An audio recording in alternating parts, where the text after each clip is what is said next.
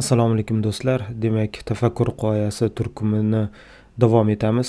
Bugungi e, mavzu e, buddaviylik ta'limoti asoslari va e, Shopen Artur Shopenhauer falsafasi. E, mavzu bir-biri bilan bog'liq bo'lgani bilan juda ham katta mavzu bo'lganligi uchun uni ikki qismga ajratamiz. Demak, birinchi qismini e, Budda e, ta'limoti asoslarida to'xtalamiz.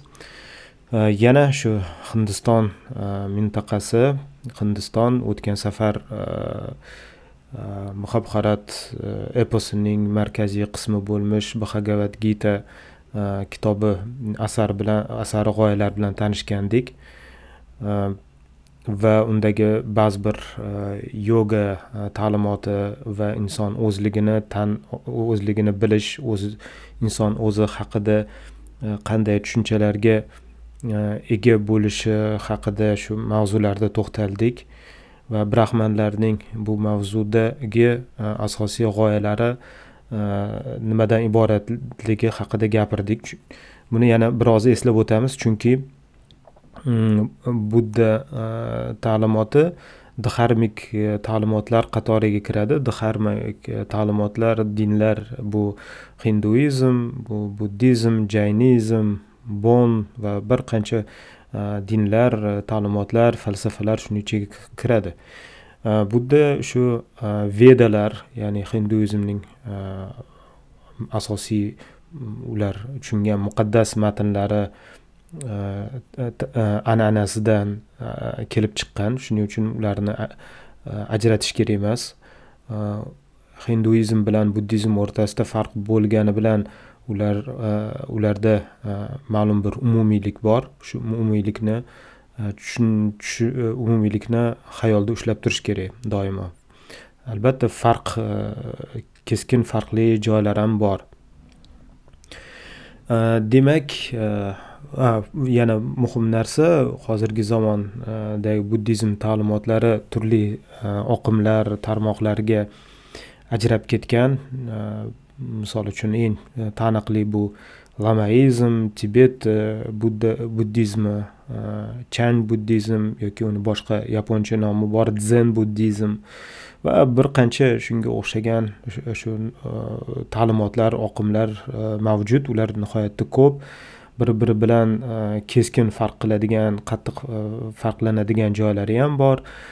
Shu bilan birga ularning hammasini bir qandaydir Э, dengizlar okeanlar э, ko'llar deydigan bu daryolar deydigan bo'lsak bitta buloqdan oladi. Mana shu buloq e, budda shakyamunining e, shakyamunining e, ta'limoti. Demak miloddan oldingi oltinchi asr ya'ni iso alayhissalom tug'ilishlaridan olti yuz yil oldin yashab o'tgan bir inson budda shakyamuni.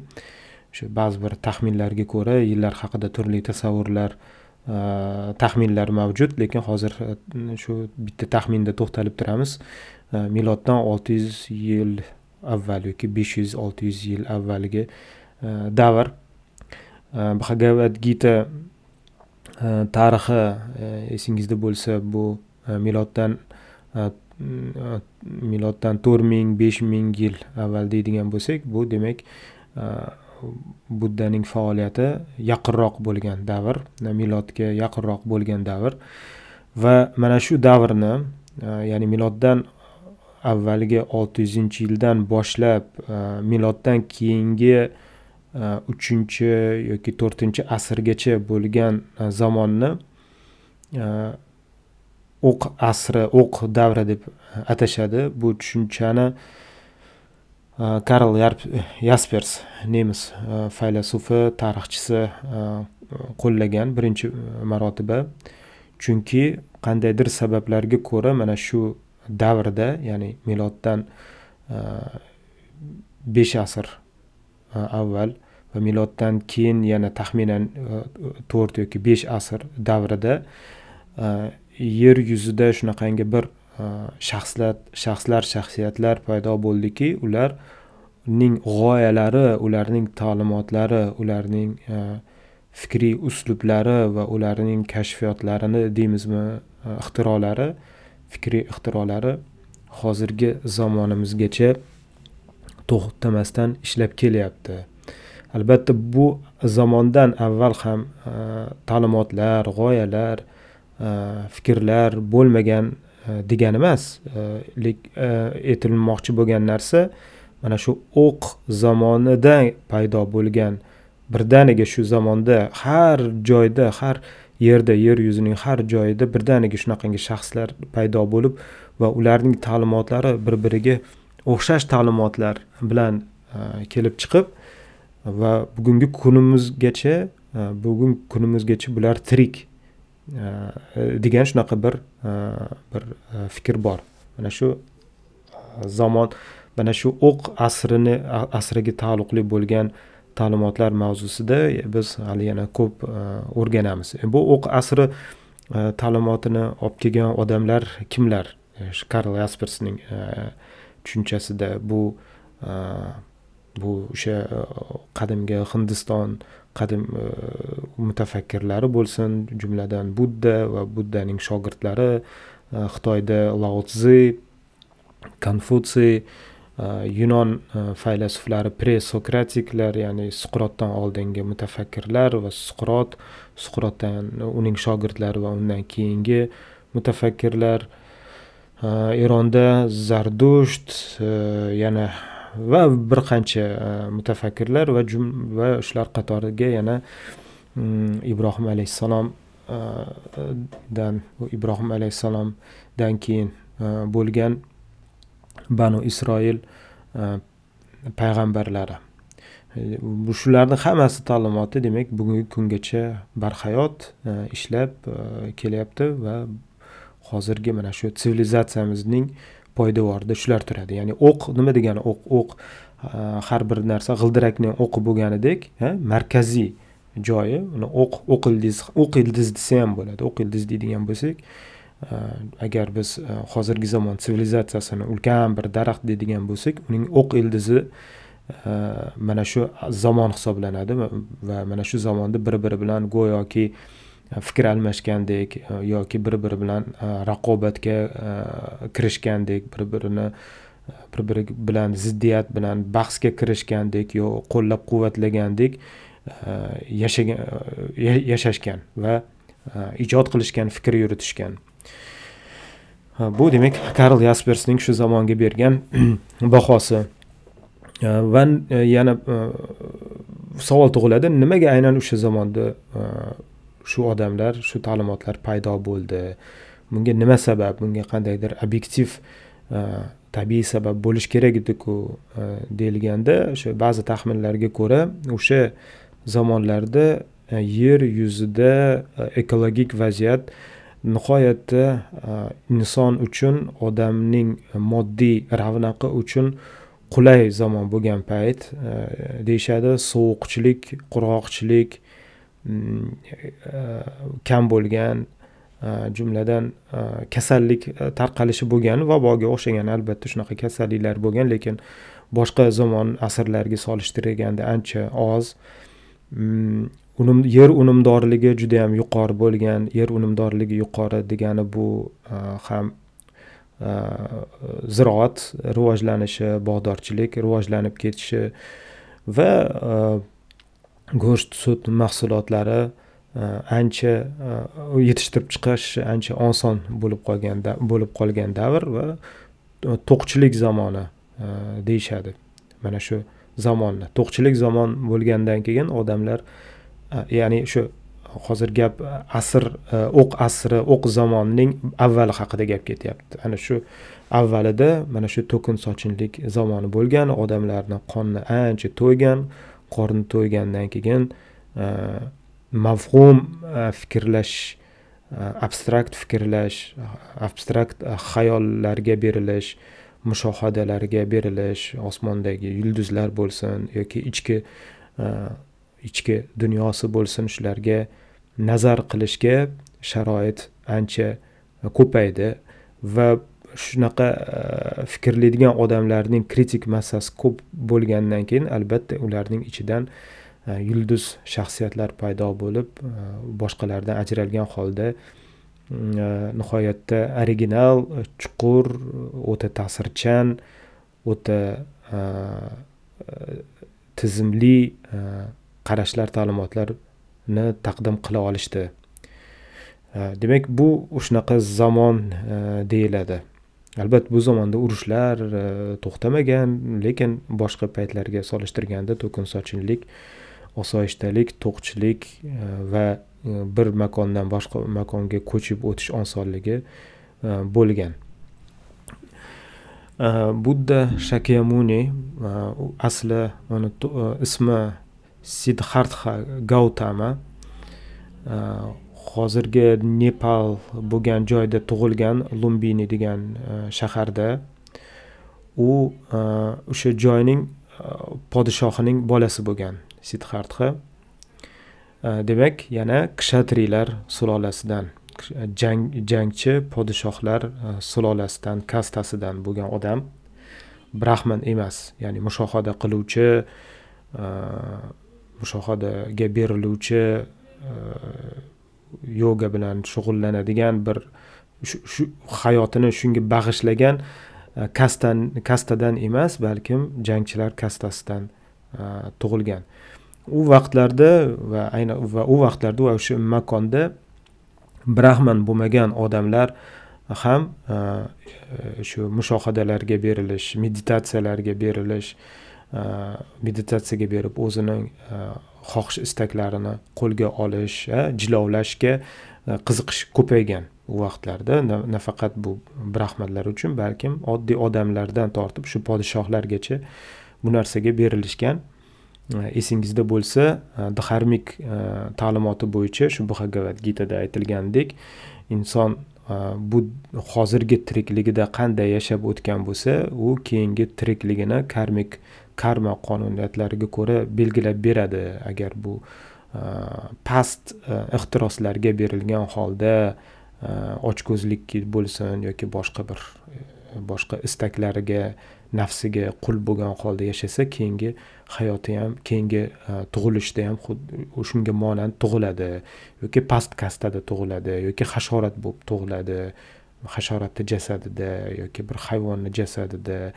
Yoki bir daraxt o'simlikni e, shu jasadida e, qayta tug'iladi. Shuning uchun inson o'zini xohish istaklarini jilovlab olsa e, va ma'lum bir holatga yetishsa keyingi tug'ilishi shunaqa oliyroq holatda tug'iladi yoki oliy kastada tug'iladi yoki brahmanlar brahman bo'lib tug'iladi yoki nihoyatda baland baland baland natijalarga erishsa Э, ular sig'ingan shu ma'bud xudo bilan birga e, tug'iladi e, degan mana shu e, mana shu qarash bo'lgan.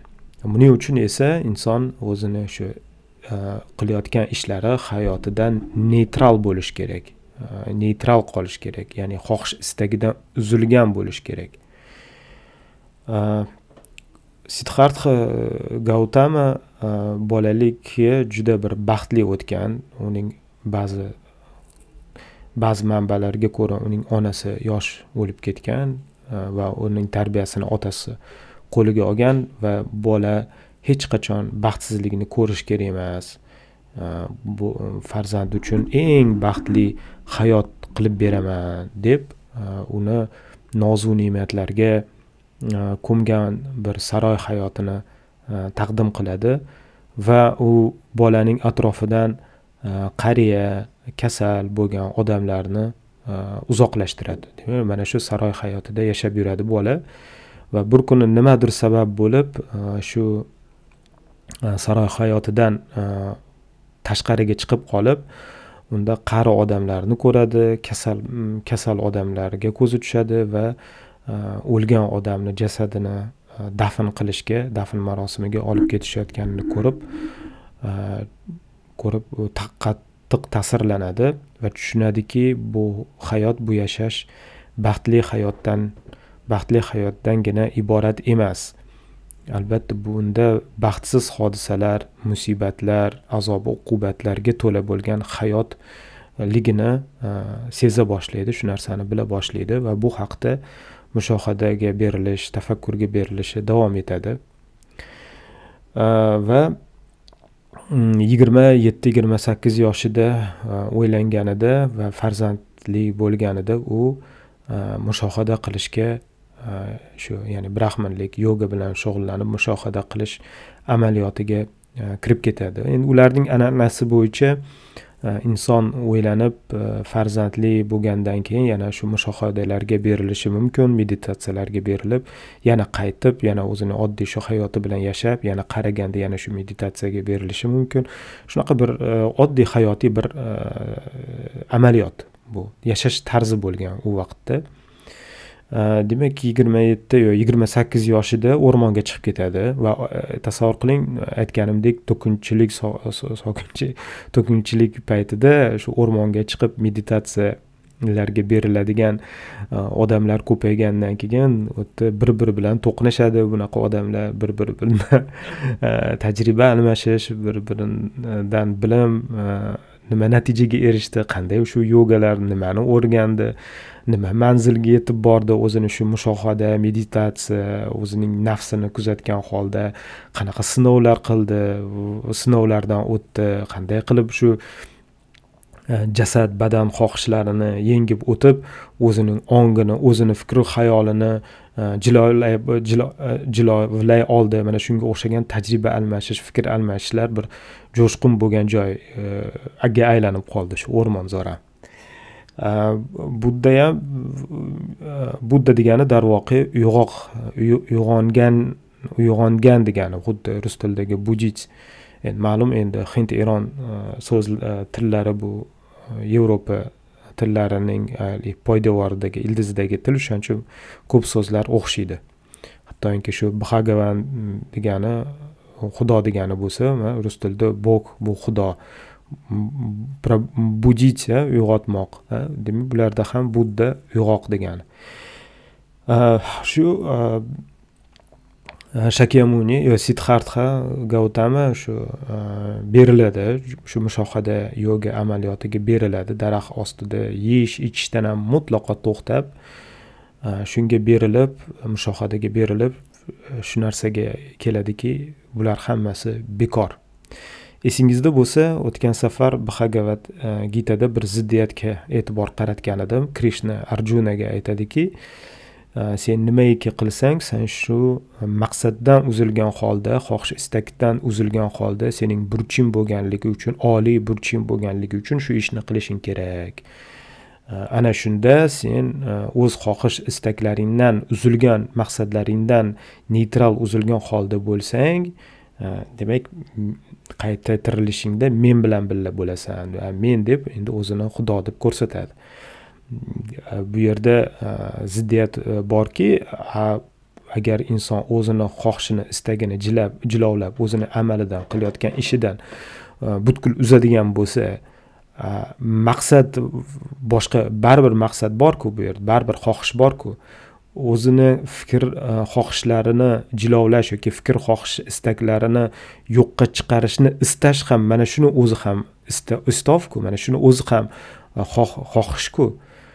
Shunga o'xshagan e, ziddiyatli fikrlarga to'qnashadi sidqartha va bu masalada to'qnashgandan keyin mushohadasidan tarki dunyochiligini darhol to'xtatadi.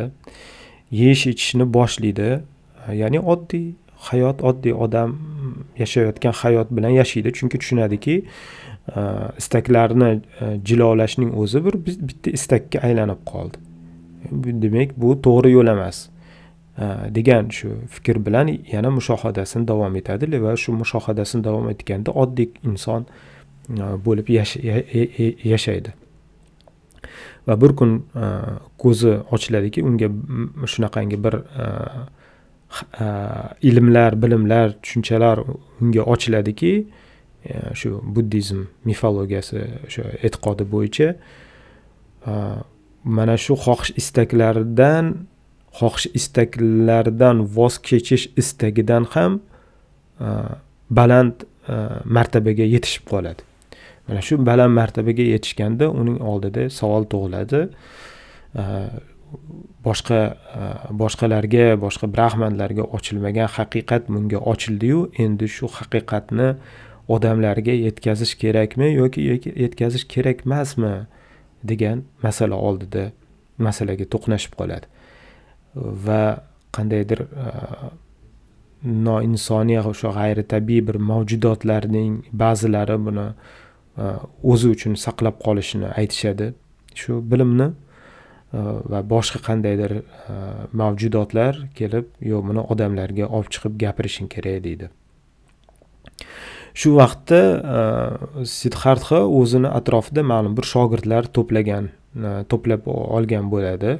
Aytganimizdek mana shu amaliyot keng tarqalganligi uchun Э, u yoki bu tajribali э, brahmanlar э, yoki yoga bilan shu amaliyot bilan praktika bilan shug'ullanadiganlar atrofi qancha tajribali bo'lsa shuncha atrofida ko'p shogirdlar yig'ilgan. Sidxartxani ham atrofida o'zini shogirdlari bo'lgan va shogirdlarini yig'ib shu benares degan joyda e, bu taxminan hindistonning shimoli sharqi bo'lsa kerak. Ha shimoli sharqida shu benares varnavassam deyishadi o'zi hindlar. Shu joyda birinchi e, xutbasi bilan e, deydi birinchi xutbasi bilan chiqadi. E, va uning xutbasi nimadan iborat? U aytadiki bu hayot e, azobi uqubatdan iborat. Inson azobi uqubat bilan tug'iladi. Tug'ilish iztirob o'lim iztirob yaxshilikdan ajralish iztirob e, istamagan narsaga duch kelish iztirob e, nimaiki bo'lmasin inson faqat shu iztirob azob uqubatda yashaydi. Boshqacha narsa yo'q. Ma'lum bir e, yoqimli insonga yoqadigan odamga yoqadigan bir holatlar vaziyatlar bo'ladi ammo ular davomiy emas. Ular to'xtaydi. Mana shu to'xtaganligi o'sha yoqimli hodisalar voqelikning aslida iztirobning bir qismi ekanligini ko'rsatadi. Demak hamma narsa iztirob deydi. Hamma narsa azob uqubat. Inson bu dunyoda mana shu azob uqubat bilan e, tug'iladi shu bilan yashaydi va shu bilan o'ladi. Mana shu e, sharafli haqiqatlar deb mana shu ta'limotni e, e, ta'limotni o'z shogirdlariga yetkazadi. Va shu nuqtadan boshlab dharma ya'ni ta'limot dharmaning turli xil ma'nolari bor. E, buddizmda bu ta'limot degani dharmaning dharma bu o'zi g'ildirak degani demak g'ildirakli charx ta'limotining birinchi aylanishi boshlanadi shundan e, shu nuqtadan boshlanib.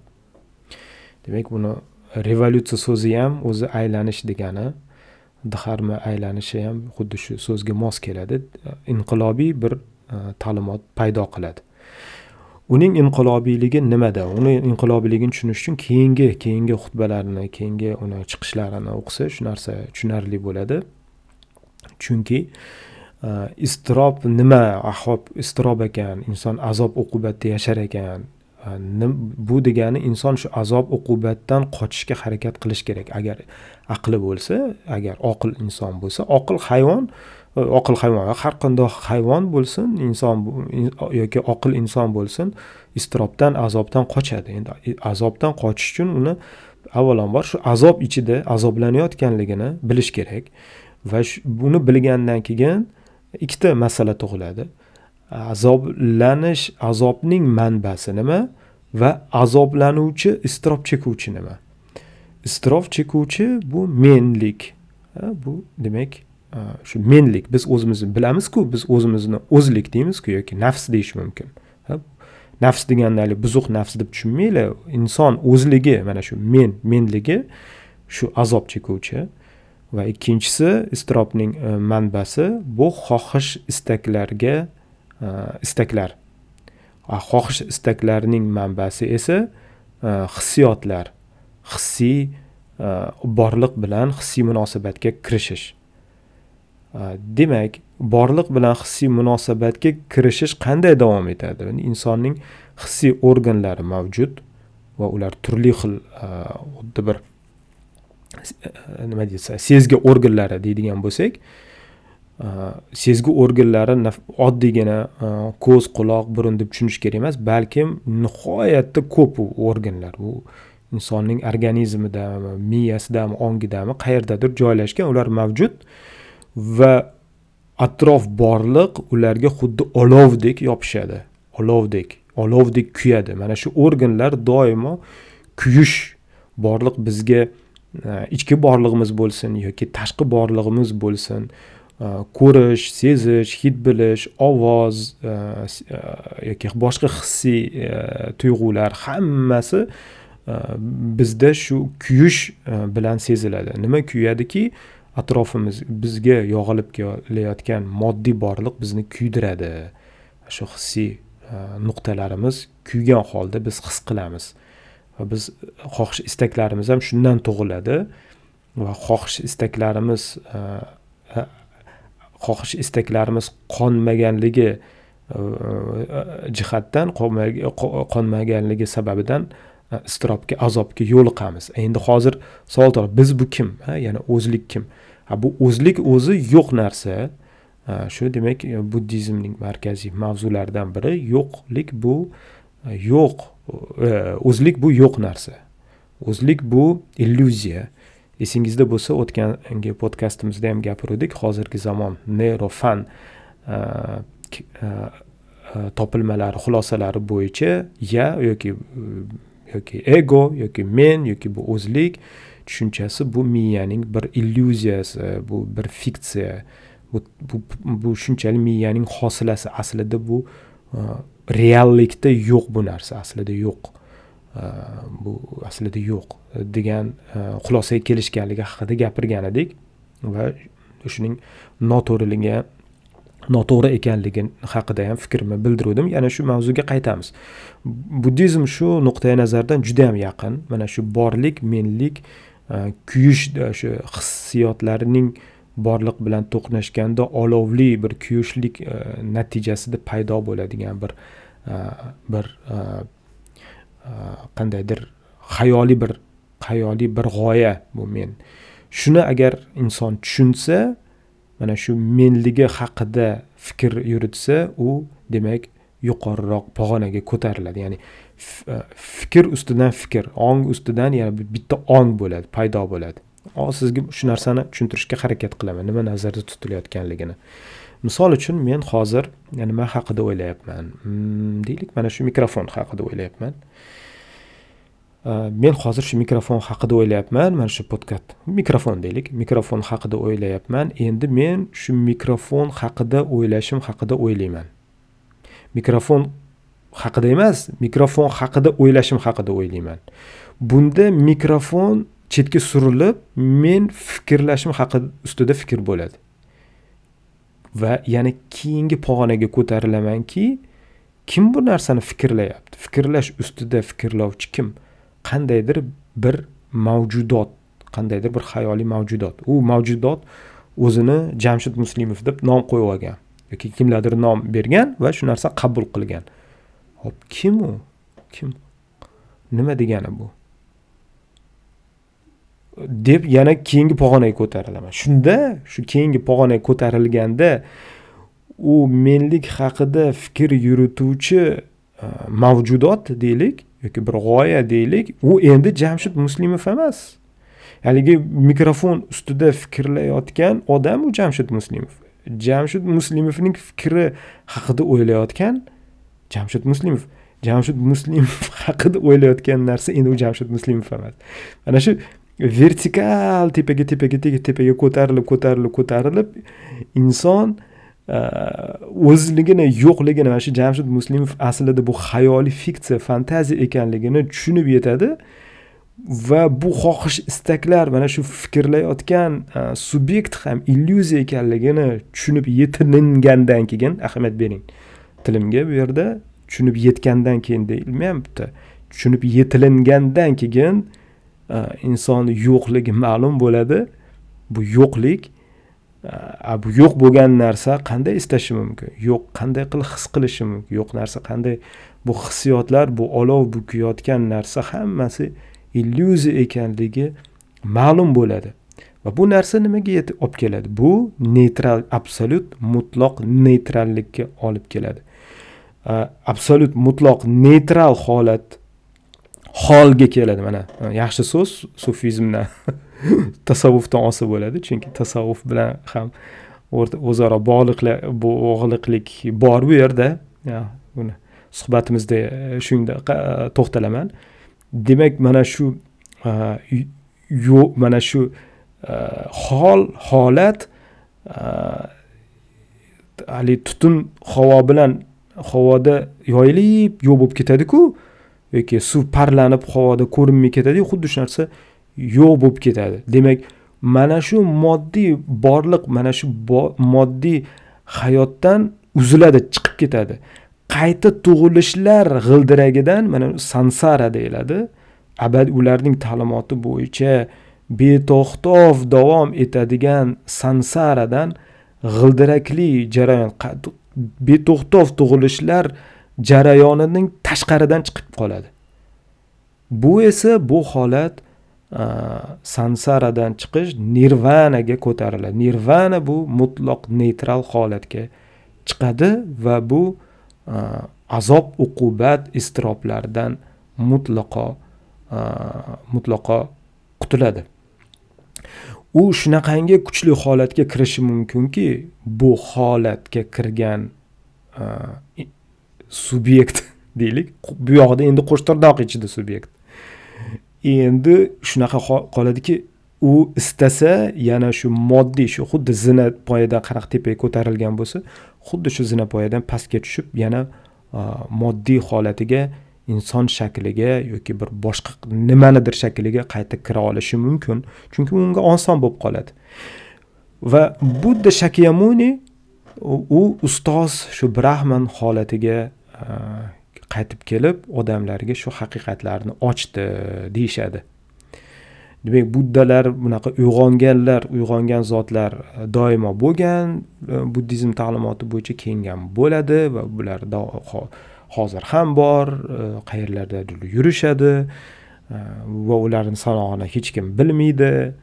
E, ular yo'q emas lekin odamzod insoniyatga ta'limot qilib bergan faqat shu sidxartha gautama budda shakyamuni bo'ladi deb shuning uchun uni ulug'lashadi. Yana buddizm haqida gap ketganda bu ateistik ta'limot xudoni tan olmaydigan ta'limot deyishadi bu xato gap. Xudo uh, va xudolar ilohlarni inkor etmaydi bu ta'limot. Uh, balkim ular uh, shu xudolar bilan xudo bilan munosabatga kirish amaliyoti bu yo'l bilan bo'lishi kerak emas. Bu yo'l bu ilohiy yo'l bunday bo'lmaydi. Mutlaqo neytral hattoki xudoga erishishga istagidan ham neytral bo'lgan holda Э, yashash kerak degandek shunaqa bir э, g'oya yotadi. Lekin mutlaqo э, xudolarni yoki xudoni ular inkor qilmaydi. Va ularda transendentlik moddiy dunyo va transendent olam moddiy dunyodan tashqari bir olam degan narsa yo'q moddiy dunyo hammasi shu shu borliqni o'zi boshqa borliq yo'q. Ya'ni unda boshqa borliqdan tashqariga chiqib ketish bu endi sansara e, kechirasiz nirvana deyish mumkin.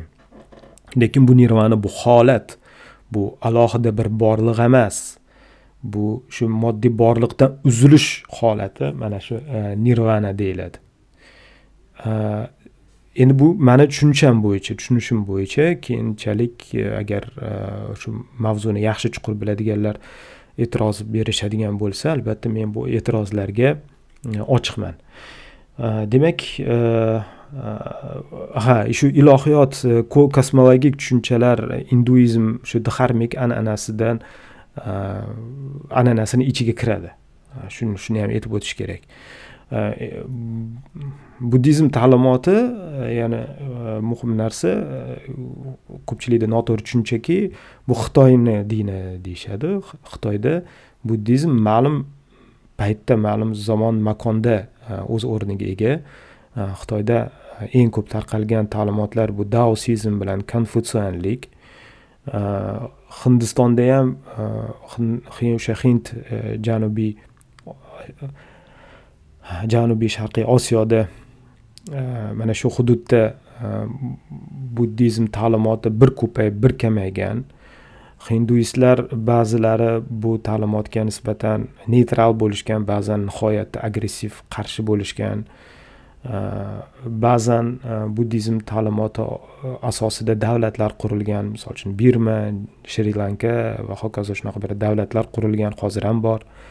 Э, turli xil bosqichlarni yashab o'tgan va buddizm va turli shakllarga kirgan bu tibet e, bo'lsin yoki mo'g'ullar lamaizm e, ta'limoti bo'lsin ko'chmanchi xalqlarda bu buddizm ta'limoti o'zgacha suratga ega bo'lgan markaziy osiyoga ham buddizm kirib kelgan jumladan buddizmning nihoyatda bir e, ajib ko'rinishi shakli bu yunon bakteriyada yunon buddizm yunon eh, an'anasi bilan buddizm an'anasi aralashib ketgan eh, joy eh, va hokazo. Bu tarixi endi uni alohida katta mavzu. Bunda to'xtalib o'tmaymiz lekin shu mana shu buddizmning ta'limoti asosida yotadigan g'oya bilan tanishdik hozir. Demak yana shu buddizm ta'limoti mavzusiga mm, qaytamiz. Inson o'zini iztirobidan voz e, kechish uchun iztirobidan qutulish uchun o'zligini anglash kerak o'zining shu iztirobdaligini anglash kerak o'zini kimligini nimaligini bilish kerak. Shunchalik shunchaki bu men yo'q bu menlik bu illyuziya degani emas bu menlikni nihoyatda chuqur anglagan holda nihoyatda shu iztiroblarini psixik va psixologik jarayonlarni nihoyatda chuqur bilgan holdagina bundan qutulish mumkin. U narsani bilmasdan turib e, bilimsiz ularning tushunchasidagi bilimsiz bu narsaga erishib bo'lmaydi. Shuning uchun e, buddizm ta'limotida psixik jarayonlarni e, o'rganuvchi va muolaja qiluvchi nihoyatda judayam bir murakkab ta'limotlar yuzaga kelgan. Nihoyatda murakkab sistema deyish mumkin. O'ziga xos psixologiya psixiatriya fani bilan bellasha oladigan ta'limot.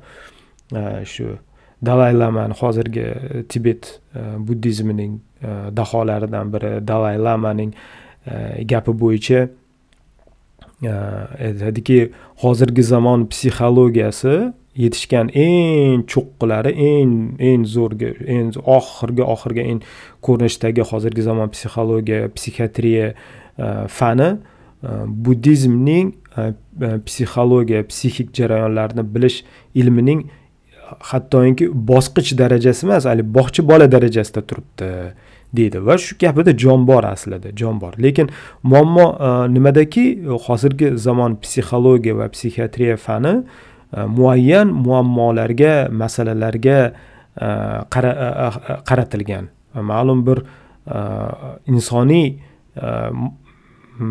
problemalarini kasalliklarini muammolarini hal qilishga qaratilgan bo'lsa buddizm psixologiyasi menlikdan umuman psixo o'zlikdan voz kechish undan qutulishga qaratilgan qaratilgan shu shu farq shunda endi shu buddizm lamaizm psixologiyasini olib kelib buni hozir zamonaviylashtirib uni hozirgi muammolarni hal qilishga ishlatish bu albatta oson narsa emas imkoni ham yo'q deb o'ylayman.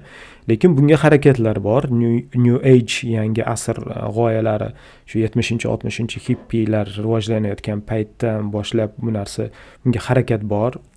E, jumladan toshkentda ham moskvada ham o'ylaymanki shu e, ayniqsa tibet buddizmi yoki zen buddizm markazlari mavjud. Bu ham o'ziga xos bir biznesga aylangan o'ziga xos bir turizmi ham bor buni.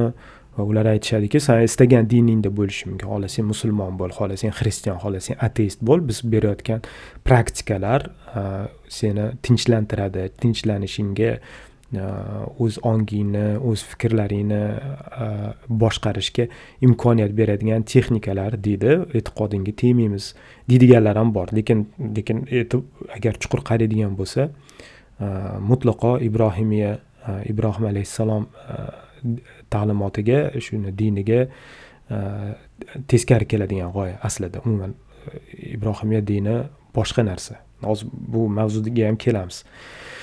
Hop endi yana bir qiziq gap bor. Buddizm e, etikasi bor. Yana buddizm etikasi bo'yicha hech narsaga zarar qilish kerak emas. Bu hinduizm etikasi e, sababli. Chunki karma qonuniyati bo'yicha bu keyingi tug'ilishda o'ziga qaytib keladi. Zulm qilish kerak emas zarar qilish kerak emas. O'zini aqliga ham zulm qilish kerak emas ichkilik chakishga berilish kerak emas go'sht yeyish kerak emas va hokazo va hokazo talablar bor.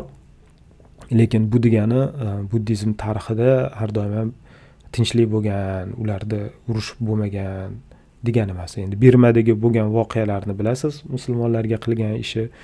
Chunki e, shu ba'zi bir e, buddizm ta'limoti nihoyatda murakkab va keng keng e, ko'p qirralida lekin shu buddizm ta'limotida shunaqa narsa borki mana buddizm an'anasida yashaydigan odamlar bor va dharmik ya'ni an'anada yashaydigan odamlar bor va bu an'anadan tashqari bo'lgan odamlarni milletchiha deyishadi. Ikkita ch bu yerda milletchiha deyishadi.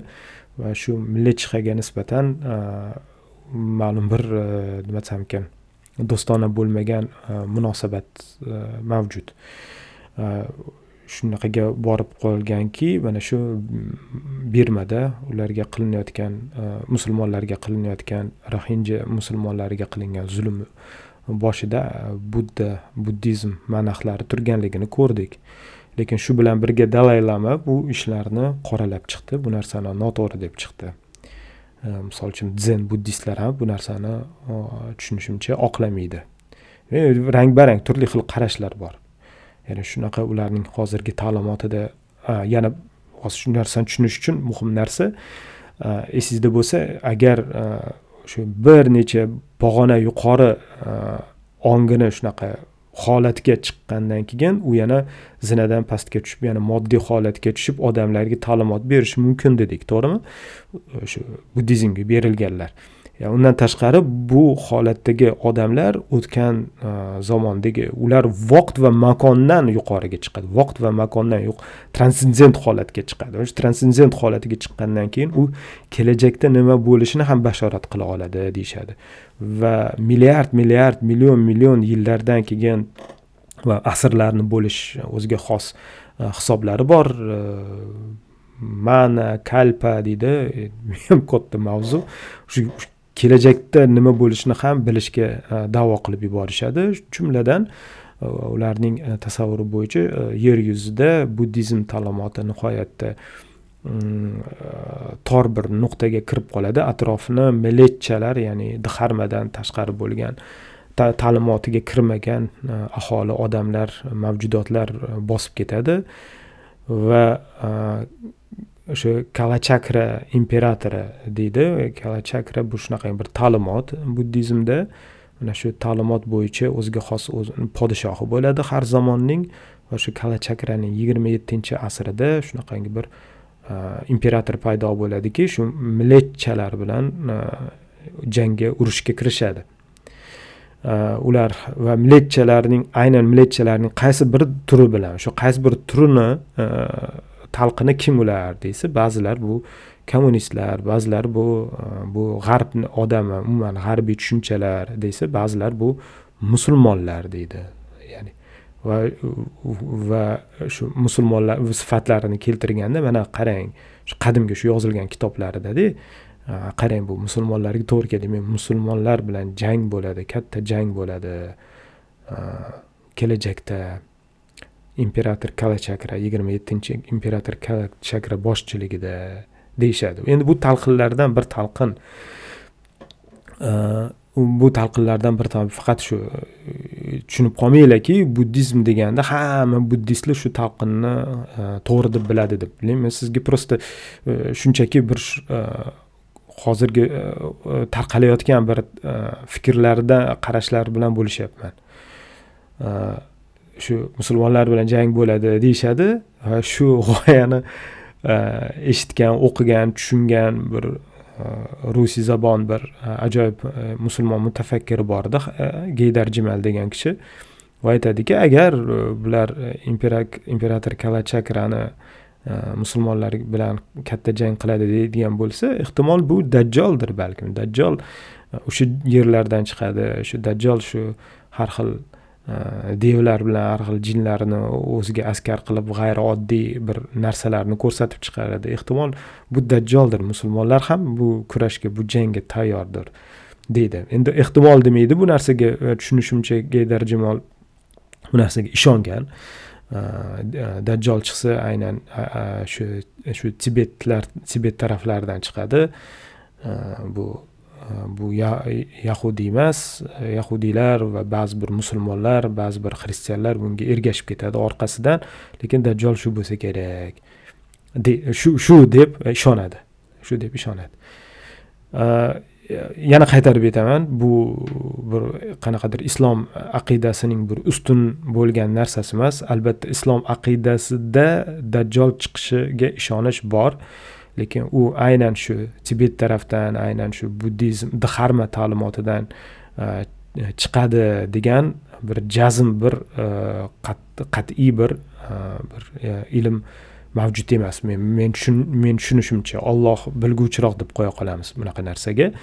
Muhimi biz e'tiqodimizda mustahkam turib qur'on va sunnat va sahih aqidaga bog'lanib tursak u kim bo'lishidan qat'iy nazar e, buddizmdan chiqadimi jaynizmdan chiqadimi new agedan chiqadimi yoki boshqa boshqa boshqa yoki ateistlar ta'limotidan chiqadi nima ta'limotdan e, yoki alohida bir yangi ta'limot bo'lib chiqadimi e, bunga qarshi tura olamiz. Agarki to'g'ri yo'lda bo'lsak. Inshaalloh to'g'ri yo'lga bizni hammamizni yo'llasin. Э, demak э, hozirgi zamonaviy qarashlarga ta'siri bor. Э, buddizm mavzusi shu psixologik e, mavzularini murakkab ravishda e, rivojlantirganligi ishlov berganligi uchun e, hozirgi zamonda inson ongini aqliy faoliyatini boshqarish aqliy faoliyatini bir yo'singa solish aktual dolzarb masala bo'lganligi uchun buddizm praktikalariga e'tibor ko'p jumladan buddizm yogasi ya'ni hinduizmning yogasi bor va buddizm o'zi yogani buddizmga o'zi yoga maktabini keltirib chiqargan ya'ni xohish istak ong aql fikrni jilovga olish praktikalari meditatsiya praktikalari bu judayam bir modniy bo'lgan mavzu katta katta korporatsiyalarda bu buddizm praktikalari joriy qilish majburiy emasku lekin bir ta, bir taklif e, qilib joriy qilish e, ko'p tarqalgan. E, chunki bu aqlni tinchlantiradi tinchlangan aql esa nihoyatda bir kreativ bo'ladi deb tushunishadi. Э, va э, buddizmning hozirgi zamon faniga yana boshqa bir parallelliklar va ta'sirlar borligini ham ko'rish mumkin. Э, jumladan buni keyingi safar aytaman. Xudo xohlasa jumladan hozir e, familiyasi esimdan chiqib qoldi. Bir neyrofiziolog rossiyaning mashhur neyrofiziologi yaqinda intervyusini ko'rganimda familiyasi esimdan chiqdi. Uni otasi ham juda yam katta e, neyrofiziolog e, bo'lgan. Shu aytdiki shu tibetga borib biz e, borib nima deydi? Malaka almashyapmiz tajriba almashyapmiz turli xil e, turli xil tajribalar o'tkazyapmiz degan edi. Nihoyatda jiddiy gapirgan bo'lmasam o'zini ateist o'zini nihoyatda bir moddaparastlik materializmga berilgan olim deb gapirardi. Esimda yetti sakkiz yil oldingi chiqishlari hozir chiqishlarini eshitsam Э, bizning neyro fanimiz э, tupikka kirib qoldi boshi berk ko'chaga kirib qoldi. Endi bir falsafaga murojaat qilishga majbur bo'lyapmiz. O'tgan safar ham shuni gapiruvdim. Neyro fan boshi berk ko'chaga kirgandan keyin falsafadan yordam qidiradi. Jumladan mana shu e, buddizm falsafasidan e, yordam qidirib qolgan holat. Bu esa e, bu esa hamma narsaga ta'siri bo'ladi. Jumladan texnologiyalarga ta'siri bo'ladi. Internet texnologiyalari e, sun'iy ong deymizku sun'iy intellekt mavzulari e, odamlarni neyromarketing masalasi odamlarni e, iste'molchilik xatti harakatlarini ma'lum bir yo'nalishda boshqarish mana shu mavzuda yoki siyosiy qarashlari bo'lsin yoki bir qandaydir ijtimoiy sotsium qarashlarga Э, qarashlarini э, ma'lum bir yo'nalishda boshqarish texnologiyalari uchun. Bu texnologiyalar bor. Bunda buddizm ta'limotlari yordam berishi mumkin deb o'ylashadi. Endi hozir darrov konspirologiyaga berilib ketish kerak emas bunda. Chunki bu narsani qanchalik e, harakat qilishsin shu narsa qilish e, e, shu shu shu ixtirolarni kashfiyotlarni o'zini maqsadiga jilovlashga harakat qilsin. Liberal maqsadlariga jilovlashga harakat qilsin bu e, juda kam narsaga erishishadi bu oson narsa emas. E, chunki bu buddizm g'oyalari buddizm ta'limoti liberalizm e, ta'limoti ta'limoti uchun xizmatkor qul bo'ladigan ta'limot emas. Ya'ni primordial an'ana liberal modern zamonaviy liberalizmga xizmatkor bo'lmaydi. Xizmatkor bo'la olmaydi deb o'ylayman. Э, ehtimol yana bu mavzularga ko'p qaytarmiz. Э, lekin hozir э, shu mavzularga yana qaytamiz. Shu mavzularda chuqurroq fikr almashish uchun mana shu asosiy nuqtalarni bilish kerak. Shu nima dedik shu o'q zamonida paydo bo'lgan qarashlar e, ta'limotlardan xabardor bo'lish kerak. Э, э, endi o'zim musulmon o'laroq bu ta'limotga o'zim bilganimcha olloh bilguvchiroq e, degan degandek shu shu gapni gapirib olloh tavfiq qilganicha e, o'z fikr qarashimni aytaman. E, birinchidan islom ummatida paydo bo'lgan tasavvuf tariqatlarida ham shunga o'xshagan mavzular mavjud. Menlik ana ana degani arab tili. Anoniyat deydi. O'zlikdan voz kechib e, deylik shu mavlaviylik tariqatida boru e, sam e, sama amaliyotiga girdi kapalak bo'lib aylanib chirpalak charxfalak bo'lib aylanib zavqqa shavqqa berilib o'zligini yo'qotib shu ilohiyot bilan qorishib ketish g'oyasi ga judayam bir o'xshaydigan bir e, ta'limot. Endi bu sufiylik ta'limoti buddizm ta'siri ta'limotida buddizm ta'siri e, bilan shunaqa bo'ldimi yoki mustaqil rivojlandimi mustaqil hol paydo bo'ldimi e, degan savol paydo bo'ladi. Buni oddiy tushunish kerak emas. Ha Э, qanaqadir bir musulmonlar buddizmlardan yoki induistlardanning ta'limotini o'rganib ular shu narsani joriy qilishdi deb mexanik mexanik oddiyligi bilan tushunish kerak emas. Buni ortida primordial an'ana e, degan tushuncha turibdi. U primordial an'ana mavzusida buni yana kengroq yoritamiz. Lekin aytmoqchi bo'lgan narsa o'zlikdan e, menlikdan e, yo'qotib yuborib shu xohish istaklarini yo'qotib o'zini haligi nafsoniyatidan voz kechib o'zligi yo'qligini bilib shu vujudi bilan vahdat olami ya'ni ilohiy bir ilohiyot bilan qorishib ketish bilan qo'shilib ketish g'oyasi islom ummatida paydo bo'lgan ba'zi bir shu ta'limotlarda xoh u mistik falsafiy ta'limot bo'ladimi yo xoh u ba'zi bir tasavvuf tariqatlar ta'limoti bo'ladimi bular mavjud. Endi islom bunga qanday qaraydi ahamiyat bersangiz buddizm e, ongni e, transsendent holatga keltirmoqchi ya'ni moddiy dunyodan tashqari holatiga olib chiqish kerak deydi. Shunda azob e, uqubatlardan iztiroblardan qutuladi va qayta tug'ilishlardan qutuladi u boshqa qayta tug'ilmaydi. U nirvana holatida. Ya'ni bu dunyoga moddiy dunyoga istasa yana qaytib kelishi mumkin lekin buni ixtiyori o'zini qo'lida qoladi deyishadi. Islom esa nima deydi? Bu menlik bu o'zlik bu illyuziya emas. Bu to'qima mavhum narsa emas. U mavjud. U mavjud. Mana shu inson o'z ongi bilan ham ichki dunyosini ham tashqi e, borliqni e, ongi bilan anglayotgan ekan. Va shu tashqi borliqni mushohada qila olayotgan ekan va tashqi va ichki borliqqa ta'sir o'tkaza o'tkazayotgan ekan va undan ta'sir olayotgan ekan va shu narsani shu jarayonlarga xuddi tashqaridan qarab turgandek mushohada qilayotgan ekan shunisi bilan inson transsendent shunisi bilan bu ongi bilan bu e, boshqa mavjudlarda mavjudotlarda uchramagan e, transsendentlik mavjud. Bani odamda bani odamda.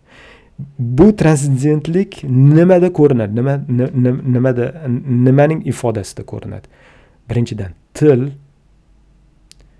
til e, ikkinchidan bayon uchinchidan ismlar. Mana shu uchta narsa uchta narsa aslida bitta. E, insonda til bor lekin til muloqot vositasi emas. Til bu e, atrof borliqni Э, atrof borliqqa nom berish atrof borliq moddiy narsalarga hodisalarga vaziyatlarga holatlarga nom berish nomli ism ismlar tizimiga ega. O'sha ismlar nafaqat bu bu bitta xuddi bir belgi emas ism bu olma bu olmaning shunaqa meva bor shu mevaning belgisi olma.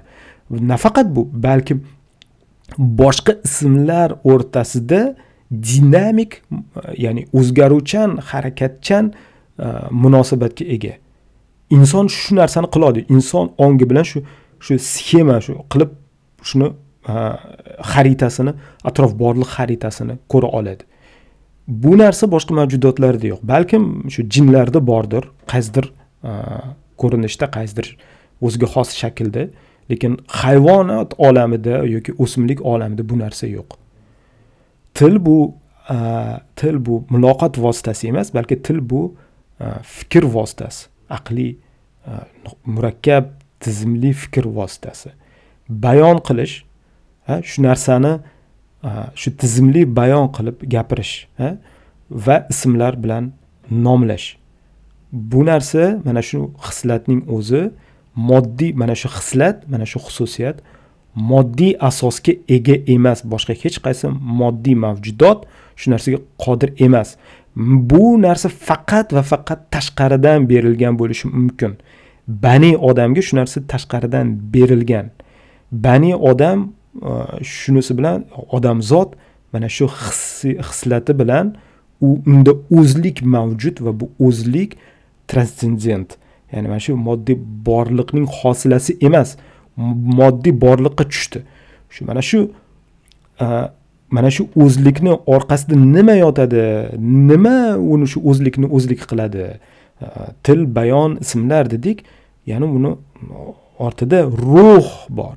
Ruh degan tushuncha bor. Ruh nima deyiladigan bo'lsa esingizda bo'lsa bani isroil payg'ambarimiz sollallohu alayhi vasallam ruh nima deb savol berishganda payg'ambarimiz bu ollohning ishi dedilar. Bu bu ilohiy narsa bu ilohiy narsa shunaqa narsaki uni xuddi moddani o'rgangandek moddiy jarayonlarni o'rgangandek o'rganib bo'lmaydi. Ruhshunoslik degan tushuncha bor. Ruhshunoslik e, ruhshunos deyiladi psixolog. Bu noto'g'ri tushuncha. Ruhshunoslik degani go'yoki ruhni bilishni davo qilishni anglatadi. Aslida ruhni bila olmaysiz. U psixologiyani psixologiya deyish kerak psixiatriyani psixiatriya psixik jarayonlarni psixik jarayon deyaverish kerak uni lekin ruhiy ruhiyat deb qo'llash bu xato aslida. Biz tilimizga kirib qolgan narsa bu.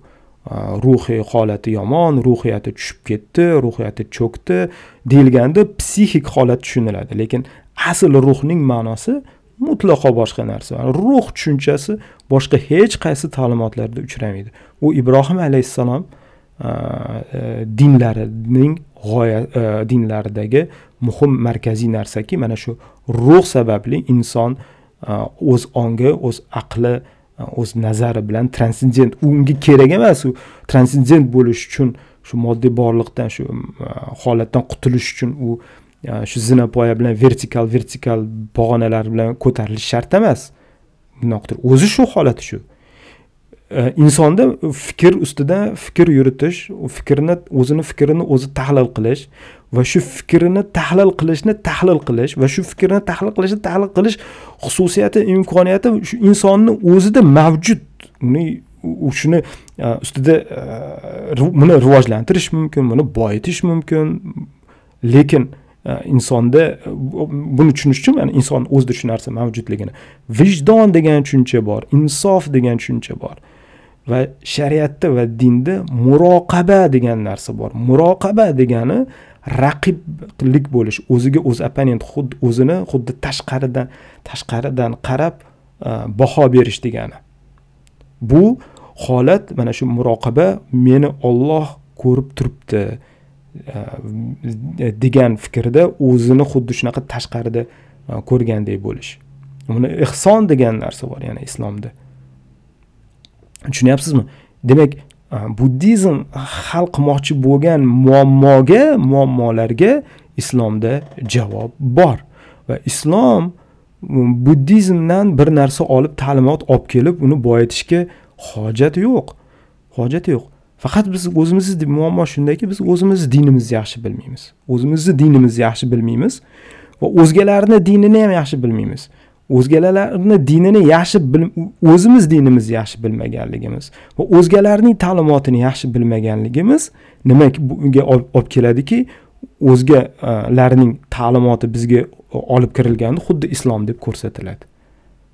Shuni farqlagandan keyin shuni farqi va shuni o'rtasidagi farqini aniq ko'rgandan keyin biz boshqalar bilan muloqot qila olamiz. Agar siz o'zingizni diningizni o'zingizni ta'limotingizni yaxshi tushunsangiz va buddizm buddistning ta'limotini yaxshi bilsangiz o'rtadagi suhbat butunlay boshqacha kechadi. Na o'zingiz diningizni bilasiz na u bechora buddist sizga bir narsalarni gapiryapti tushunyapsiz. San kofirdan olib kofirga solib uni bechorani bir burchakka tiqib qo'ygansizda u sizga qarab e to'xta san manga gapirayotgan narsa mani ham ta'limotimda borku e, deb sizni mot qilib qo'yishi ham mumkinda. Lekin siz oldin o'zingiz aqidangizni o'z e'tiqodingizni aniq bilib olishingiz kerak va shu va shu jumladan uni o'zgalarning ta'limotini ham yaxshi to'g'ri tushuna bilish kerak. Ehtimol u ko'tarayotgan muammo u hal qilmoqchi bo'lgan masalaga muammoga siz undan ham chiroyliroq undan ham osonroq undan ham kuchliroq yechim bera olardisiz? Shuni shu yechim musulmonlar birinchi musulmonlar shu yechimlarni bera olgan e, sababli ham sababli ham o'sha e, janubiy e, sharqiy osiyoda islom tarqalgan islom tarqalgan. Indoneziya malayziya taraflarida islom tarqalishi hindiston taraflarida islom tarqalishi nafaqat bu qilich bilan bo'lgan. Faqat shu tarix o'qisangiz faqat qilich bilan qilich bilan qilich bilan kirgan deyiladi. Yo'q bu boshqa ta'limotlar ham bo'lgan. Suhbatimiz cho'zilib ketdi. Man e, bir professorning e, buddolog professorning ma'ruzasidan shuni eshitdim. Va internet kezib yurganimda man shu maqolaga ko'zim tushganida yana qidirib qidirib topolmadim qidirib rosa qidirdim topa olmadim. Lekin bo'lishi mumkin emaski bu yo'q narsa. Chunki chunki chunki mani esimdada agar sizlar topsanglar bo'lishsanglar yaxshi bo'lardi. Gap nima haqida? Qaysidir karvonsaroyda xristian manaxi musulmon oddiy musulmon savdogar va buddist manaxi uchalovi o'tirib uch kunmi o'n kunmi o'tirib shu munozara qilishadi. Shu karvonsaroyda o'tirib o'zini savdo ishlarini tashlab qo'ygan xristian ham savdogar musulmon ham savdogar haligi buddist ham savdogar savdolarni to'xtatib qo'yib choy ichib shu choy ustida uzoq mushohada qilishadi va to'rtinchi odam uni e, dini uni qarashlarini esimda yo'q nimaligi o'tirib hamma suhbatini hamma bahsini yozib chiqadi. Bu qiziq o'qish uchun qiziq bo'lgan bir material edi. Afsuski man uni yo'qotib qo'ydim. Uni yana qidirib ko'rish kerak qidirib ko'rish kerak. Aytmoqchi bu narsani nima demoqchiman? E, O'sha shu eski zamonlarda shu karvon saroylar bo'lsin yoki bir boshqa joylar bo'lsin o'tirib mana shu e, mana shu mavzularda suhbatlar munozaralar bahslar e, bo'lgan. E, jumladan yana beruniyning hindiston degan kitobida hinduistlarning ta'limotlarini nihoyatda chuqur o'rganib tushuntirib bergan bu aytadiki mani maqsadim bu hinduistlarni e, ta'limoti kufrligini sizlarga isbotlash emas shu kufrligini shundoq ham bilamiz. Mana shu narsani noto'g'ri botil e'tiqod deb bilaman. Lekin e, shuni shular bilan munosabatga kirish uchun shular bilan muloqotga kirish uchun ularni ta'limotini bilish kerakku o'zi nima deyapti? U uni ta'limotini o'zizcha gapirib tashlash kerak emas ani budda haykalga sig'inib ketyapti yoki haligi induistga sig'inib ketyapti. Ular aslida nima deyotganligini ular o'zidan bilish kerak shu narsani tushunish kerak. Tushunganingdan keyin sen u bilan ular bu odamlar bilan muloqotga keltira muloqotga kirisha olasan deydi. Burahon beruniy men ham aytmoqchi bo'lgan narsam bu shu narsa e, ularning ta'limotini tushunsangiz ular bu ta'limot bilan birinchidan e, nima muammoni hal qilmoqchi va shu u hal qilmoqchi bo'lgan muammosiga nima yechim bera olishingizga erisha olasiz. Va ikkinchidan ularni ta'limotidan spekulyatsiya qilgan holda mana shu ularni ta'limotini asosida buddizm bo'lsin induizm bo'lsin zardushtiylik boshqa boshqa boshqa ta'limotlaridan spekulyatsiya chayqovchilik qilgan holda bir islomga qarshi kurash holatini holatiga ham javob bera olasiz. Man e, esimda mana shu facebookda ham bir mana buddizm anaqa yaxshi eng zo'r din deydi. Yaqinda ham bitta kishi yozdi. Eng zo'r din deydi buddizm dini deydi islom islomda там jihod bor boshqa narsa bor odamlarni qirish boshqa boshqa boshqa boshqa narsalar bor deydi. Buddizmda yo'q bu narsa deydi. Bor buddizmni ta'limotida ko'p narsa janglar urushlar ko'p bo'lgan jumladan shu millatchalar bilan jang qilish shu ta'limoti bor. Umuman bilmaydi u odam xullas nima deyotganligini birmada bo'lgan voqea mana siz yoki hindistonda bo'lib turgan narsa buddistlar bilan hinduistlarni o'rtasida o'zaro qonli to'qnashuvlar shu yigirmanchi asrda ham bo'lib o'tgan hozir ham manimcha u yoki bu joyda bo'ladi. Odamlarni ko'ziga faqat musulmonlar bilan buddistlar yoki musulmonlar bilan induslar o'rtasidagi mojaro ko'rinadi a induslar bilan buddistlar o'rtasida qonli to'qnashuvlar e, hindistonda bo'lib turishligini e, e'tibordan yangiliklardan e, tashqarida qolib ketadi. Chunki Э, islom э, musulmonlik bilan bog'liq bo'lgan e, axborot e, yangiliklarning bozori chaqqon. E, shuning uchun bunaqa holat. Ho'p yana bu asnoda nima demoqchi edim?